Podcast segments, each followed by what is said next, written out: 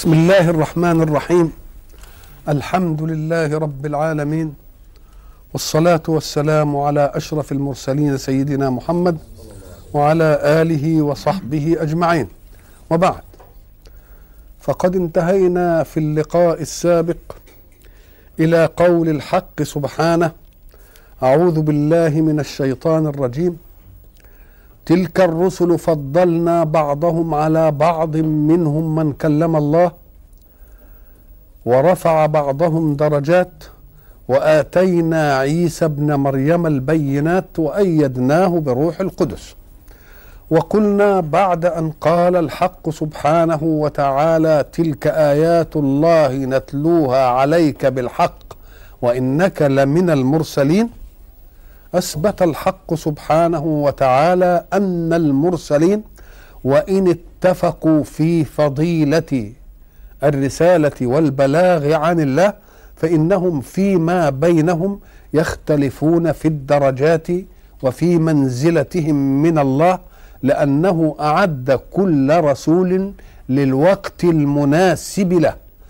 وقلنا أن الحق سبحانه وتعالى تكلم عن موسى بقوله منهم من كلم الله وتكلم عن رسوله صلى الله عليه وسلم بما فهمنا من قوله ورفع بعضهم درجات وتكلم عن عيسى وقال وآتينا عيسى ابن مريم البينات وأيدناه بروح القدس. ومقتضى أن يرسل الله رسلا إلى العالم. أن يكون الحق سبحانه وتعالى قد خلق الخلق غير مكرهين على فعل ولا مسخرين كما تسخر بقية الأجناس في الكون. قلنا إن الإنسان جنس رفيع في هذا الكون. هذا الجنس دونه مباشرة الحيوان الذي ينقص عنه العقل. وبعد الحيوان قلنا النبات الذي ينقص عنه الحس والحركة. وقلنا الجماد الذي ينقص عن الإيه؟ عن, عن النبات. تلك هي اجناس الوجود. الإنسان هو سيد هذه الأجناس. والسيادة جاءت له من ناحية أن الأجناس كلها مسخرة لخدمته. ومسخرة لخدمته لا بالاختيار ولكن بالقهر والقصر. فقلنا إن الشمس لم تجئ مرة وتقول لم يعد الخلق يعجبوني ولذلك لن أشرق عليهم اليوم. ما حصلش أبدا. ولا الهواء امتنع أن يهب ولا المطر امتنع أن ينزل ولا الأرض امتنعت أن أنها تعطي النبات عناصره. كل حاجة ولا أنت تركب الدابة وتسيرها كما كما تحب وكما تريد لا شيء تأبى أبدا عليك. وأنت الوحيد اللي مهمتك فيها اختيار. إن شئت فعلت كذا وإن شئت لم تفعل كذا. ولكن الله لم يدعك هكذا على إطلاقك بل فيه أمور تصير رغم أنفك. وأنت مقهر ومسخر فيها. لا تستطيع أن تتحكم في يوم ميلادك ولا في يوم وفاتك ولا فيما ينزل عليك من الأحداث الخارجة عنك ولا فيما يجول من الحركة في بدنك. كل ذلك أنت مسخر فيه. حتى لا تنفلت مرة واحدة من قبضة ربك. ولكنك مختار في أشياء. وقلنا إن الحق سبحانه وتعالى زاول قدرته في أنه قهر اجناسا على أن تكون كما يريد وكما يحب. وتلك صفة القدرة صفة القهر صفة السيطرة. إنما لا تثبت لله صفة المحبوبية من مخلوقه.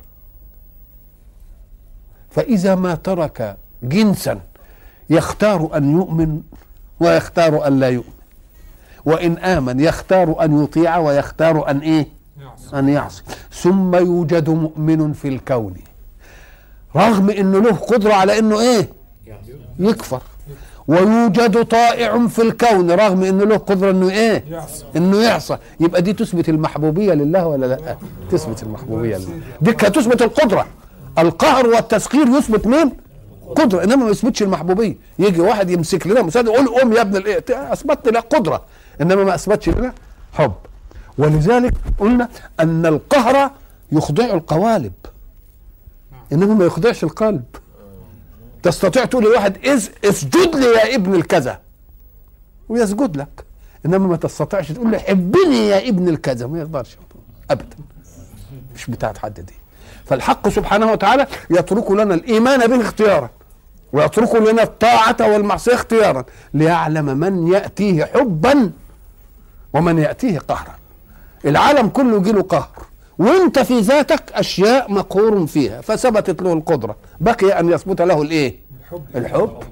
اللي يروح له كده بحب إحنا ضربنا المثل ولله المثل الأعلى. قلنا إن إنسان عنده خادمين سعد وسعيد. سعد مقيده بحبل. يقول له يا سعد ويروح جره. هل لسعد أن لا يجيء؟ ليس. وانما سعيد سايبه على يقول له يا سعيد فاللي مطلق ده بيجي له ساعة ما يناديله يبقى أيهما يحبه؟ اللي جايب الحبل ولا اللي جايب المحبة؟ اللي جايب المحبة. آه. اذا فالإنسان من كرامته أنه يثبت للحق صفة المحبة إن آمن بالله. صفة الإيه؟ المحبة إن آمن بالله. اذا فالله سبحانه وتعالى لو شاء أن يهدي الناس جميعا ما استطاع أي واحد أن يكفر به. ولو شاء أن يكون مطاعا دائما ما استطاع واحد أن يعصيه. ابدا. ولذلك قلنا إن إبليس كان عالما حينما قال ال- أمام الله بعزتك لأغوينهم أجمعين. بعزتك عن خلقك. يعني أنت لو محتاجهم ما أقدرش أخدهم. إنما كونك عزيز عنهم من امنوا امنوا من ما امنوش ما امنوش أنا الحتة دي اللي هدخل منها. مش كده ولا لا؟ الحتة دي اللي أنا إيه؟ ولذلك قال له إلا عبادك منهم المخلصين اللي أنت عايز تستخلصه أنا ما أقدرش اقوم ناحيته يبقى إبليس مش داخل مع ربنا في ده في معركة معانا إحنا قال له بعزتك لأغوينهم أجمعين. إلا عبادك منهم الإيه؟ اذا لو أراد الله أن نكون طائعين جميعا أستطيع واحد أن يعصي؟ مش ممكن يستطيع واحد يعصي. مؤمنين جميعا أستطيع واحد أن يكفر. إنما شاء الله للكونيات إنه يترك دي لاختيارك. لأنه يريد أن يعرف من الذي ياتيه ولذلك. بره يجي في الحديث القدسي أولو لم أخلق جنة ونارا؟ أما كنت أهلا لأن أعبد. يعني بقى يعني أنتوا هتقولي بس عشان دي طب افرضوا ان أنا ما خلقتش لا جنة ولا نار ما كنتش أهل كده إن أنا أحب لذاتي. آه. ولذلك الارتفاع الإيماني الارتفاع اليقيني بتحب الله لذات الله. تحب الله لإيه؟ ولذلك يجري عليه من الأشياء ويظل يحبه. فيباهي الله به الملائكة. يا رب يحبك لنعمتك علي. يقول وأسلب نعمته ولا يزال يحبني. فيسلبها ولا يزال يحبه. يقول بيحبني ولا بيحب نعمتي؟ يعني ياخدها. بيحبني ولا بيح... لن ابدا كل ما يسلب نعمة إيه؟ يقول لك إيه؟ بيحب. بيحب مين؟ يحب ذات الله. بيحب ذات الله أنه ذات تحب لذاتها بصرف النظر عن إنه هيدينا برضه. هي إيه؟ هيدينا برضه. اذا الحق سبحانه وتعالى أرسل الرسل عشان يحملون منهج الله لمن يريد أن يعلن حبه لله وأن يكون خليفة في الأرض بحق. يصلح في الكون ولا يفسده. قلنا إن الإصلاح له مرتبتين. أن تترك الصالح بطبيعته فلا تفسده أو أن تزيد الصالح صلاحا. ما تجيش على عين ميه كده وجاية بتتدفق للناس وتردمها. كنت سيبها يعني اترك الصالح على إيه؟ أو زيده صلاحا. بدل ما تقول الناس يأتون متعبين ليأخذوا الماء من العين فأنا سأخذ من العين ديا وأعمل مضخة كده وأطلع المية عالية. وبعد ذلك أبني لها إيه خزان؟ وأحط في الخزان ده مية وأمد مواسير وأودي المية للناس لحد بيوتهم. يبقى أنت زدت الصالح إيه؟ زدت الصالح إيه صلاح؟ يبقى دي خلافة وعمارة في الوجود ولا لأ؟ عمارة فإن لم تستطع أن تزيد الصالح صلاحا فجنبنا شر إفسادك. ودع الحالة كما هي عليه. واقعد كده عالة في الكون. اقعد عالة في الكون. وأنت إذا نظرت إلى حركة الحياة في الناس لو أن الإنسان كان منصفا في الكون لسأل نفسه طب بالله قولوا لي من الذي اهتدى إلى حكاية الرغيف اللي بناكله ده؟ لو عرف ان هو واخد تجارب الناس من أول آدم تجارب الناس من أول آدم إليه علشان يدوا له الرغيف ده. لأن تصور بقى إزاي اتعمل إنه ان, إن الحب يتاخد كده. وبعدين إيه اللي اللي هدى الإنسان انه يقعد إيه؟ يطحن ال وبعدين اللي هداه إنه يعمل له منخل. واللي هداه إنه مثلا مرة يعجنه كده ويجي يخبزه يقوم يلاقيه ملوش طعم فطير لسه ما خمرش. وبعدين لا شك ان هو ساب مرة حتة عجين. وبعدين إيه؟ شغل عنها بأي شاغل. الست عمالة عجنت وجت تخبز ما لحقتش تخبز العيش قبل ما ما كانش يعرفوا خميرة ولا بتاع. وبعدين شغل عنها ولدها عيط ولا جرى لحادثه فسابت القطعة العجين وبعدين جاءت لها مرة أخرى فوجدتها إيه؟ أبة كده وخمرانة كده رب. لما خبزتها طلع عيش كويس. قالت الله طب وليه ما نعملش دي؟ ما هو الذي قدره فهدى قدر فهدى وإلا تيجي إزاي دي؟ إزاي يعني تيجي؟ مش ممكن. تجربة طويلة. يعني لما تشوف مثلا الواحد لما يجي ينظف ثوبه لو أنه هو قاعد ظل يسلسل نظافة الثوب من أول آدم كان يعرف أن كل واحد سبقه في الوجود إداله مرحلة من النفعية إلى أن يصل إلى الغسالة اللي بتغسل له الثوب ده. كل دي جت بهدايات الله. يجي الخاطر كده يهدي. الله أنا بقى أنا مرة بقول إشمعنى الناس طبخت الكوسة ولا طبختش الخيار؟ ده دليل على ان تجارب كتيرة قوي يا مرة. هم زي بعض. وطبخت الملوخية ولا طبختش النعناع مع إن النعناع أحسن منها. مسائل تجارب وصلتني لو نظرت إلى أي شيء تستفيد به أنت اليوم وقدرت الأعمال التي تداولته من يوم أن وجد تعتقد أن كل واحد ربنا قدر له عمل ومجال وقعد يخدمك أنت. فما دام انخدمت بالناس دول كلهم من أول آدم إلى النهارده لازم تبص تلاقي هتقدم للي جاي إيه؟ ما تبقاش تنبل في الحياة. تاخد خير غيرك كله كده في الوجود وبعد ذلك انت تقعد علشان ما تديش إيه؟ ما تديش اي ما تديش اي حاجة. ابدا. لازم يكون لك عطاء. زي ما خدت من بيئتك لازم تدي الايه البيت؟ ولو لم يوجد هذا لما ارتقت الحياة. لأن معنى ارتقاء الحياة إيه؟ إن واحد خد الخير اللي قبله وبعدين حاول إنه إيه؟ إنه يزود فيه. ومعنى يزود ياخد أكبر ثمرة بأقل مجهود. ياخد أكبر ثمرة بأقل مجهود. يعني الناس لو قدروا اللي ابتكر العجلة دي العجلة اللي بتعمل اللي بتيجي عليها العربية دي ده كان يجب إنهم يقعدوا يستغفرون الله كلهم بمقدار ما أراحهم. كان الواحد يشيل أرداب بقصارى ما يشيل. مش كده؟ ما يحمل. وبعدين وفر على كتافه إنه يشيل أرداب وخلى البتاع تشيل لها 10 رديب وهو يجرها بحاجة بسيطة كده. اللي اخترع العجلة دي. شيء عجيب. الله. اذا لازم تبص للنعم اللي أنت إيه؟ اللي انت بتستفيد بها الآن وتشوف كم مرحلة مرت بها وهل علمها الناس كده لو علمها الناس لعلمت من أول مرة في الوجود كلها. إنما دليل على أنها اتعلمت إيه؟ شيئا فشيئا شيئا فشيئا ودي كلها تأتي بأخطاء. يمكن عملية خطأ كده تروح مثلا. فكل حاجة لها إيه؟ تقوم أنت تقول دي العالم قدم لي. لما تيجي تشوف تلاقي العالم قدم لك تقوم انت تحاول تقول وأنا أقدم للعالم إيه؟ أنا أقدم للعالم إيه؟ يقوم حلقة العالم تتنهم إيه؟ مرتقية. فالحق سبحانه وتعالى يرسل الرسل ويعمل المنهج افعل كذا ولا تفعل كذا عشان المنهج إيه؟ يستقيم. لكن الناس الغفلة بتاعتها غلبت عليها. فيغفلون عن أمر المنهج.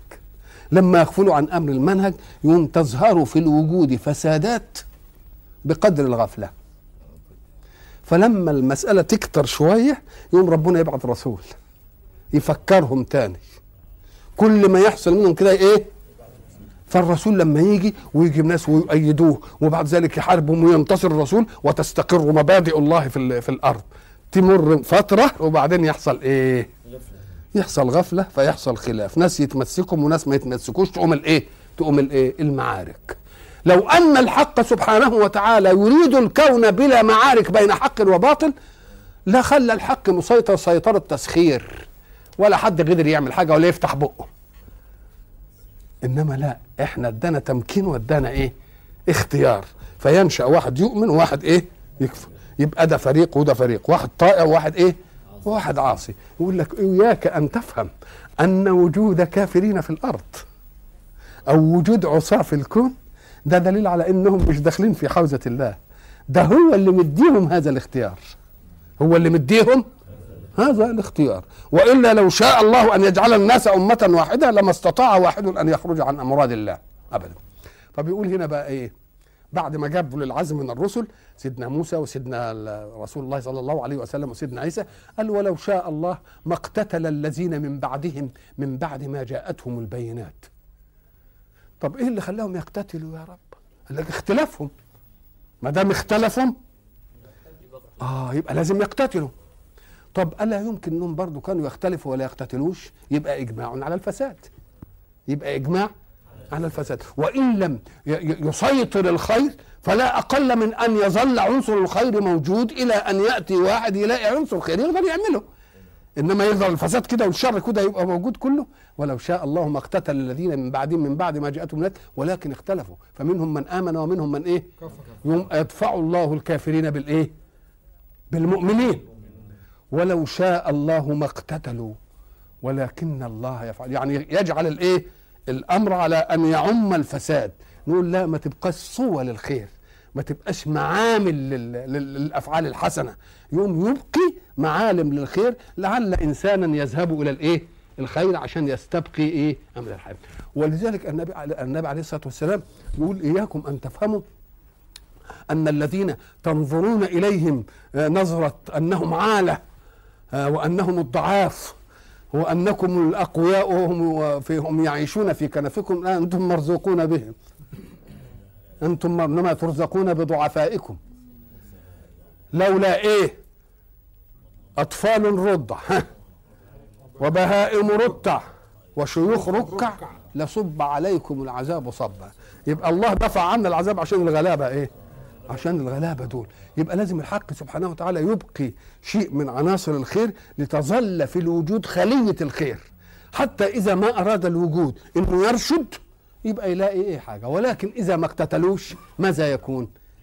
يعم الفساد. وتنتهي القضية ولكن اختلفوا فمنهم من آمن ومنهم من كفر. ولو شاء الله ما اقتتلوا أي لظلوا على منهج إيه؟ واحد من الكفر أو من الإيه؟ من الفساد. ولكن الله يفعل ما يريد. هنا عملية الاقتتال فيها تضحيات بالنفس. تضحيات بالنفس. والتضحيات لأجل قيم الحياة السماوية تظل في الأرض إما أن تجود بنفسك أو تجود بمالك. في فيناسب إنه يتكلم هنا عن الإيه؟ كما تكلم في القتال فذلك جود بالنفس يتكلم عن النفقة وهي جود بالإيه؟ وهي جود بالمال. وخاصة إن كان زمان كل واحد هو اللي بيجهز إيه؟ أداة قتاله. فرسه رمحه سيفه كل النبل بتاعه هو اللي بيجهزه. يبقى عايز إنفاق ولا مش عايز إنفاق؟ يبقى لازم يتكلم عن هذه المسألة لأنه بصدد استبقاء إيه؟ استبقاء خلية الإيمان المصورة في المنهج السماوي الذي جاء به الرسل ليظل في الأرض. يفيء إليه الناس إن حدمهم الإيه؟ إن حدمهم الشر وحدمهم الباطل. فيقول يا أيها الذين آمنوا وإحنا قلنا كل نداء فيه يا أيها الذين آمنوا يدل على تكليف وحكم من الله. لا يكلف به الناس على إطلاقهم. لأن الله إنما يكلف من آمن به. إنما يكلف من كفر به. ده كونه كافر به. لما يقول له اعمل حاجة مين ومين أنت اللي هتأمرنا؟ يبقى بيكلف مين؟ بيكلف المؤمن. يعني من اجتاز مرحلة وأصبح في اليقين الإيماني يبقى هو ده اللي أهل ويؤمن على مخاطبة الله له. يا من آمنت بي إلها حكيما قادرا مشرعا لك ومشرع لحكمتك ومشرع لخيرك أنا إيه؟ أريد منك أن تصنع كذا وكذا وكذا. يبقى اذا الإيمان بالله هو حيثية كل حكم. حيثية كل حكم. بتعمل دي ليه؟ اوعى تقول ده لحكمتها كذا ولا كذا. لا. قل لأن الله الذي آمنت به أمرني بها. لأن الله الذي آمنت به أمرني بها. وهو إله حكيم لا يأمرني إلا بالإيه؟ إلا بالخير لي. فهمته أو لم أفهم. بل ربما كان إقبالك على أمر أمرك الله به وأنت لا تفهم له حكمة أشد أشد في الإيمان من أمريكا بما تعرف حكمتها لو أن إنسانا قال له الطبيب إن الخمر التي تشربها تهري كبدك وتعمل فيك كذا وكذا وبعدين امتنع عن الخمر. صحيح هو امتناعه عن الخمر؟ صادف طاعة لله. لكن هو امتنع لأن الله قال ما امتنعش لأن الله. قال امتنع لأن الطبيب فإيمانه بالطبيب أكثر من إيمانه بمين؟ برب الطبيب. نقول له لا أنا بمتنع لأن الله قال وأنا هستنى ليه لما الطبيب يقول لي ده هتنهري؟ وبطلها. طب ما هي الرحمة إن ما تجيش خالص الهارية دي. ما تجيش حبق ما يجيش الداء. آه. فبيقول يا أيها الذين آمنوا أنفقوا. وأنا لا أطلب منكم أن تنفقوا علي. أن تنفقوا من رزقي عليكم. مش مما رزقناكم؟ مما رزقناكم. لأن الرزق بيجي منين؟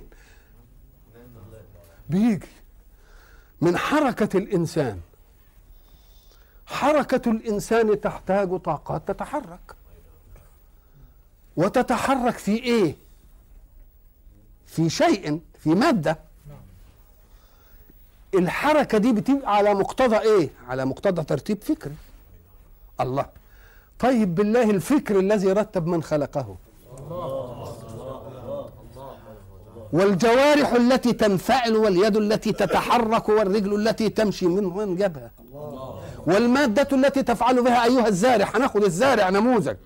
الأرض دي اللي فيها العناصر دي. منين خلق الله. يبقى أنت تعمله.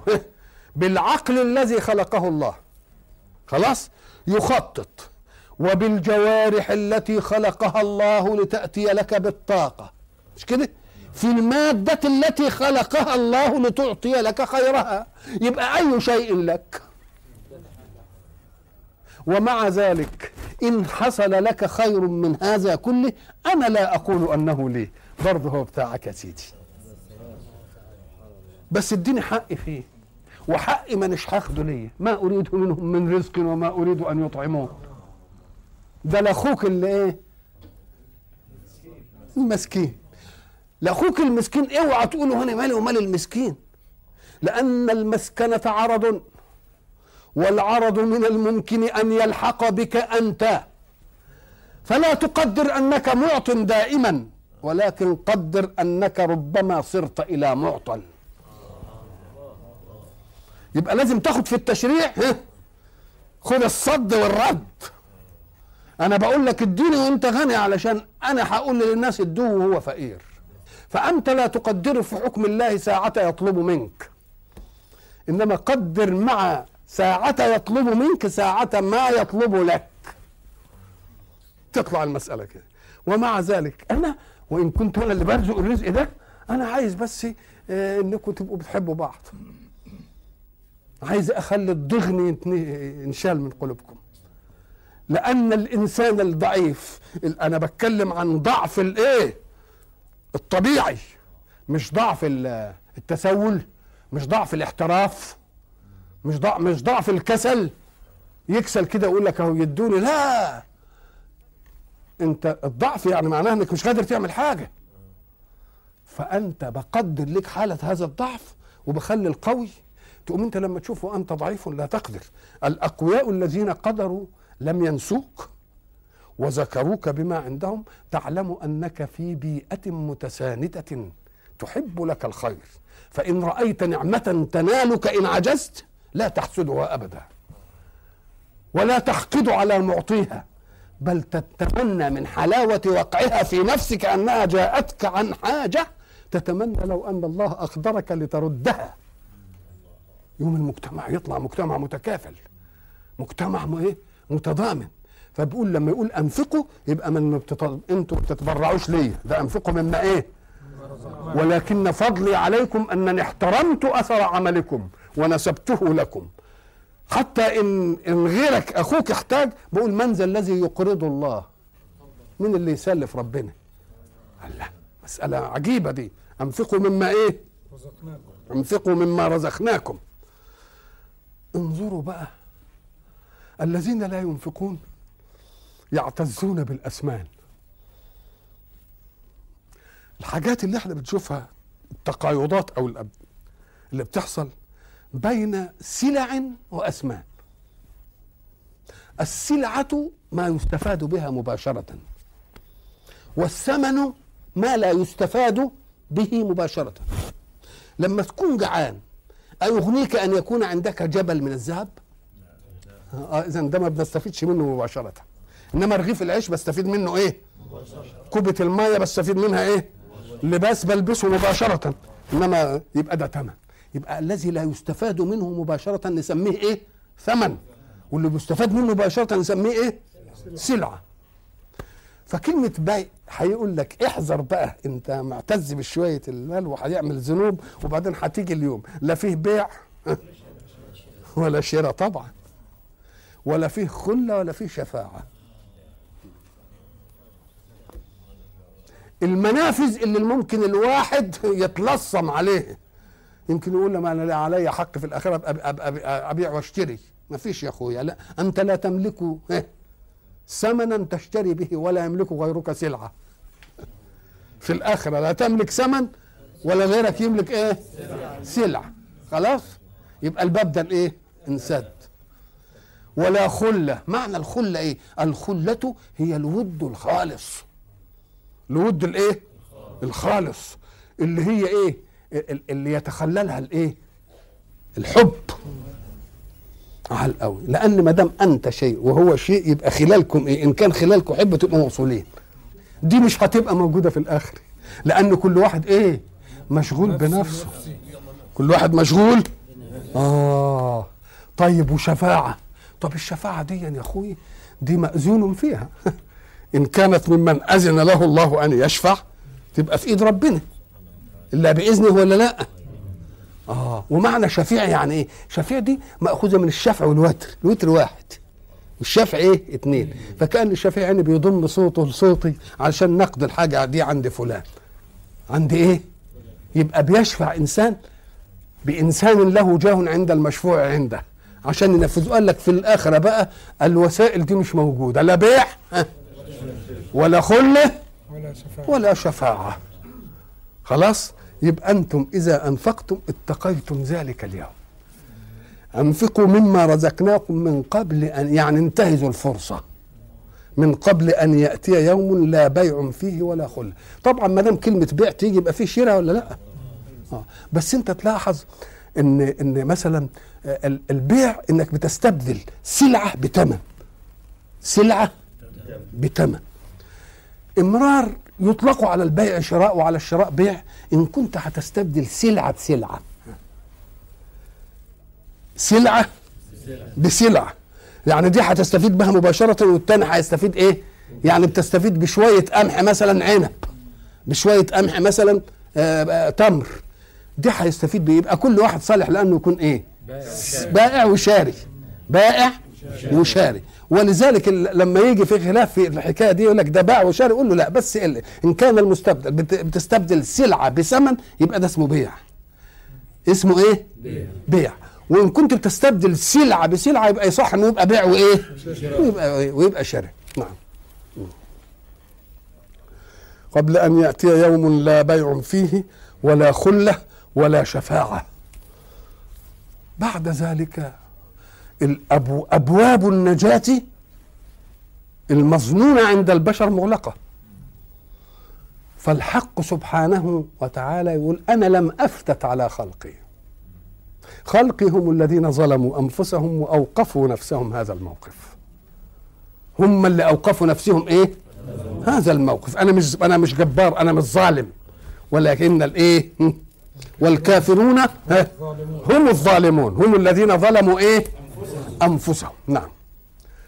وبعد ذلك بعد ما يتكلم بقى عن الرسل وعن الاختلاف وعن القتال عشان تثبيت منهج الحق وعن الإنفاق يتكلم هذا يريد أن يبدي لنا التصور الإيماني الصح اللي في ضوءه جاءت كل هذه المسائل. موكب الرسالات كلها جه في ضوء هذا المبدأ؟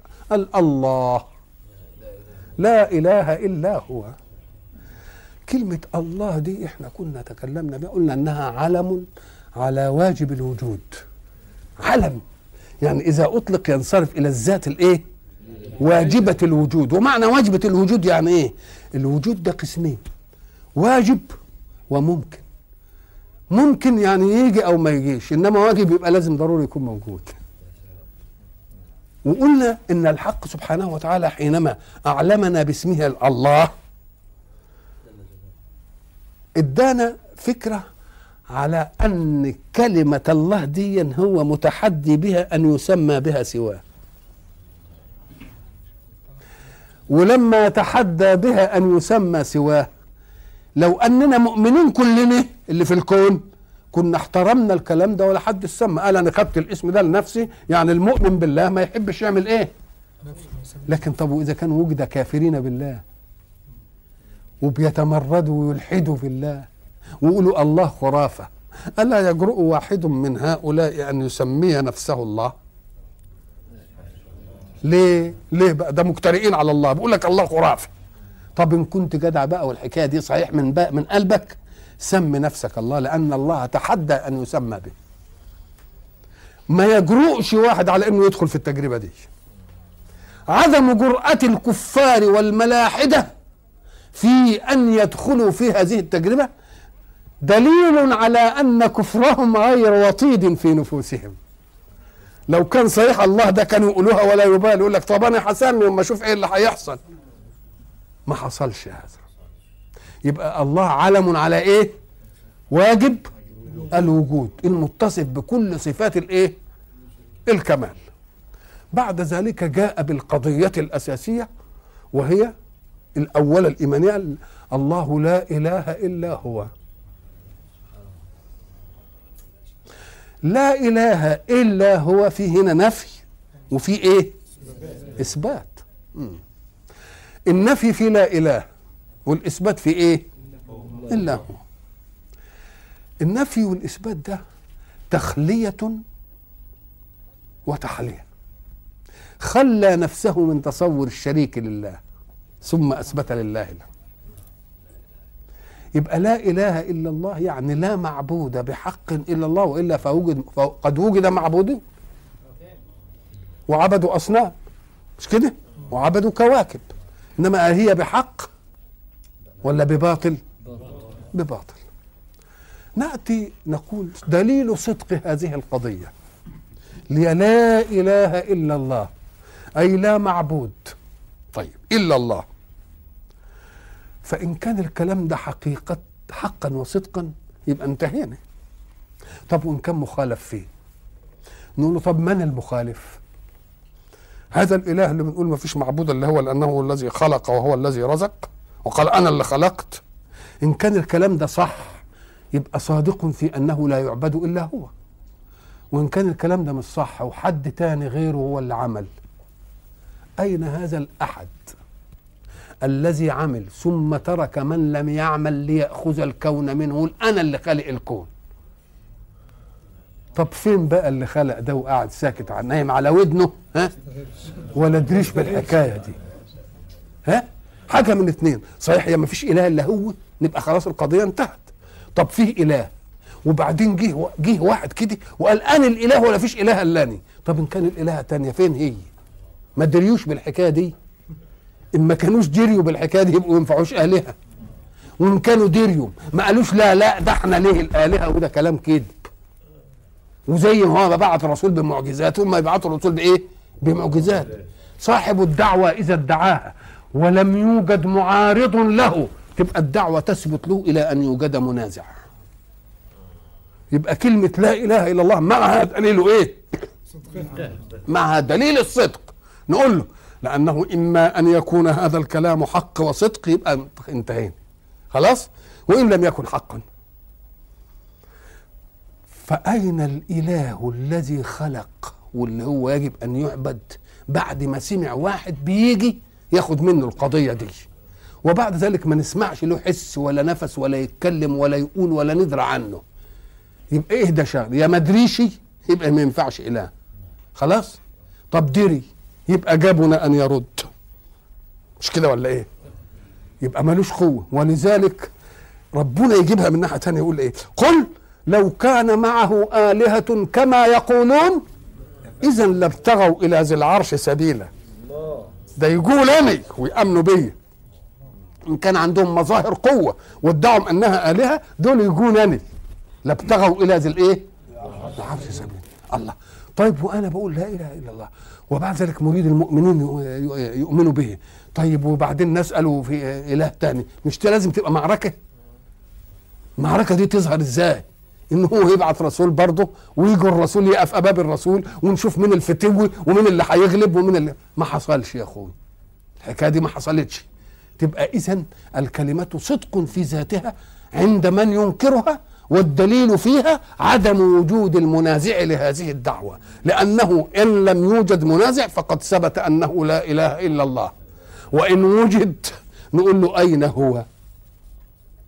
أين هو؟ خليه يجي كده ويقول لا الكلام ده ما حصلش هذه الكلمة وإحنا ضربنا مثل مرة قلنا باننا في اجتماع هنا وبعد ذلك لقينا حافظة نقود فعرضناها على اللي قاعدين دول. دي بتاعتكم ما حدش ادعاها. ثم جاء واحد كان هنا وخرج. وقال يا ناس أنا وأنا معكم آه، ضاعت حافظة نقودي ولم يدعها واحد منا. تبقى بتاعته ولا مش بتاعته؟ تبقى بتاعته. خلاص هو لا إله إلا الله إلى أن يثبت أنه فيه إله إلا الله يبقى يورينا شطارته بقى. مفهوم الكلام ولا لأ؟ الله لا إله إلا هو.